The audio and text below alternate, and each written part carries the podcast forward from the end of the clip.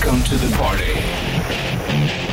Bandit Rock. Hej Martin Per Gessle. Per Gessle, vad roligt att du ringer och eh, vad kul med, med Nothing Else Matters, Metallica-låten här. Det här är lite otippat, fast ändå inte kan jag tycka någonstans. Eh, ja, jag blev väldigt förvånad när jag fick förfrågan. Det kom via Metallicas eh, management. Ja. Och eh, först så tänkte jag att shit, det här är ju lite märkligt. Men så, så, så började jag forska mer och eh, jag, var ganska tveksam för att först fattade jag som att man skulle få en låt utsedd till. Alltså en låt från den här plattan eh, förutbestämd är den här låten du ska ge dig på. Ah, okej. Men så var det inte, utan man Nej. fick välja vilken låt man ville och då var det ju såklart självklart att välja Nothing Else Matters för mig eftersom det är den min favorit från Mm. Ja. dem. Jag, jag hörde faktiskt Metallica första gången eh, typ, typ när den här plattan, albumet kom ut 91 Ja, eh, med Enter Sandman och eh, Nothing Else Matters. Så jag vet att eh, Marie och jag i Roxette, vi, vi skämtade alltid om att när varje gång man hörde Nothing Else Matters på radion så sa vi alltid att det här skulle kunna bli en bra Roxette-ballad.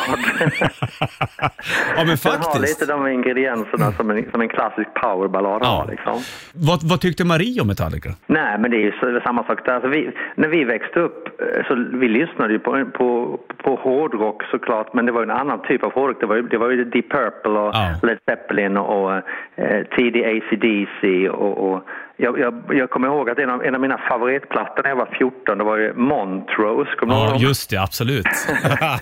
Men ja, det är Metallica, det var, jag, jag kommer dock ihåg att det var ju den här olyckan som hände i Sverige. Ja. Att deras, eh, det var deras basist tror jag som avled i en olycka. Ja. Så det, då hade man ju talat om honom, men musikaliskt sett så var det faktiskt inte förrän de blev lite mer mainstream då, om man precis. säger så, med Nothing Else Matters. Det står ju PG Roxette under det här. Mm, Och det, är det här första gången någonting görs utan Marie Roxette? Ja, det kan man säga. Det, det är det Mm. ju. Det är, jag, jag ville sätta ihop ett, ett, ett, ett band eller ett, koncept som är eh, bygger lite på Roxette-idealen då med, med de här gamla Roxette-musikerna. Det är Jonas Isaksson till exempel på, på gitarr och så vidare. Mm. Det. Eh, och det är våra två eh, tjejer, Helena Josefsson och Dea Norberg från Roxette-turnéerna de sista åren som, som sjunger ihop med mig då. Mm. Så det, det, det är absolut det är debut för detta koncept. Du, du ska ju även åka ut och köra akustisk turné då.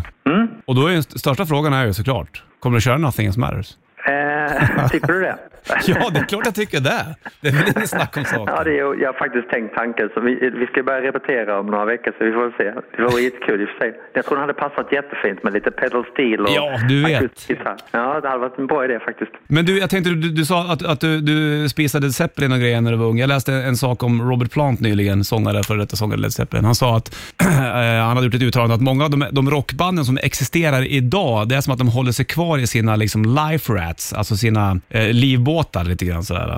Och vågar släppa taget. Hur ser du på alla, andra- alla stora rockband? Jag tänker på så här, Stones, nu gick han bort, Charlie Watts, men, men många har ju fortfarande hållit på när de är 75, närmare 80 år. Jag, ty- jag tycker ju, alltså det är ju upp till var och en eh, såklart. Jag menar, om man känner att man, jag menar det är ofta för sångare, alltså, alltså blir det ju na- en naturlig nedgång. Alltså, du klarar inte av att sjunga längre. Nej. Phil Collins har problem med att sjunga, Ja, McCartney har problem med att sjunga, Bob Dylan har haft problem med att sjunga många år. Mm. Så länge det, det är, du känner det att det är kreativt, att du har, du har liksom någonting vettigt att göra med det här så, så tycker jag du ska fortsätta. Det är upp till var och en. Just det där du sa med att utvecklas och sånt, det, det är ju, det är ju ett, en, en balansgång hela tiden för att många äldre artister har ju en publik som inte vill att de ska utvecklas. Nej, exakt. Utan du, när, du, när du går och tittar på Stones så vill du ju höra dina, de gamla Stones-låtar. Mm. Du, vill ju, du går och tittar på Elton John så vill du höra 20 Elton John-hits. Liksom. Ja. Du vill inte höra hans senaste platta. Han tycker förmodligen det är roligare att spela sin senaste platta men publiken tycker ju inte det. Och det, det känner, man, känner jag ju själv också. Jag har på över 40 år som du Ja, vet. exakt. Och när jag gör, sätter upp en konsert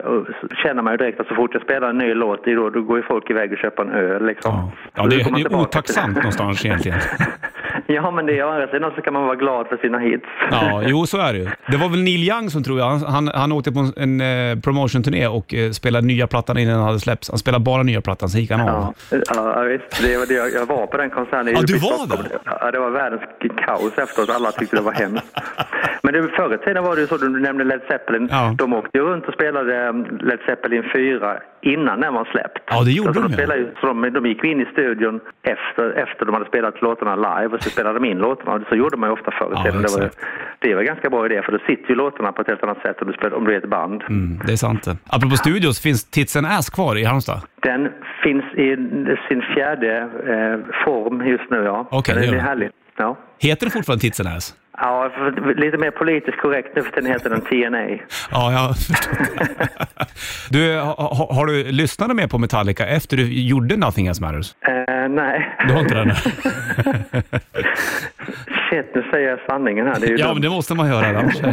Vi har en del, vi har en del gemensamma vänner, jag, eh, jag och Lars Ulrik då, Ja, med bland annat Anton Corbin, fotografen. Och så. Så det, man hamnar ju väldigt mycket i, i, i samma värld liksom. Ja. Så det blir, man pratar mycket scendesign och...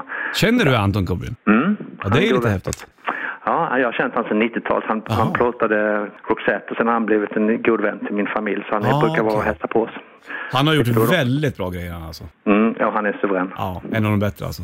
Hörru du Per Gessle, stort tack för att du tog dig tid och pratade med mig om eh, Metallica och om gitarrer och alltihopa. Det var väldigt trevligt. Nej, ha det så gott. Vi hörs. Du, lycka till med Halmstad nu och ta det lugnt. Tack samma. Hej då. Welcome to the party. Bandit Rock.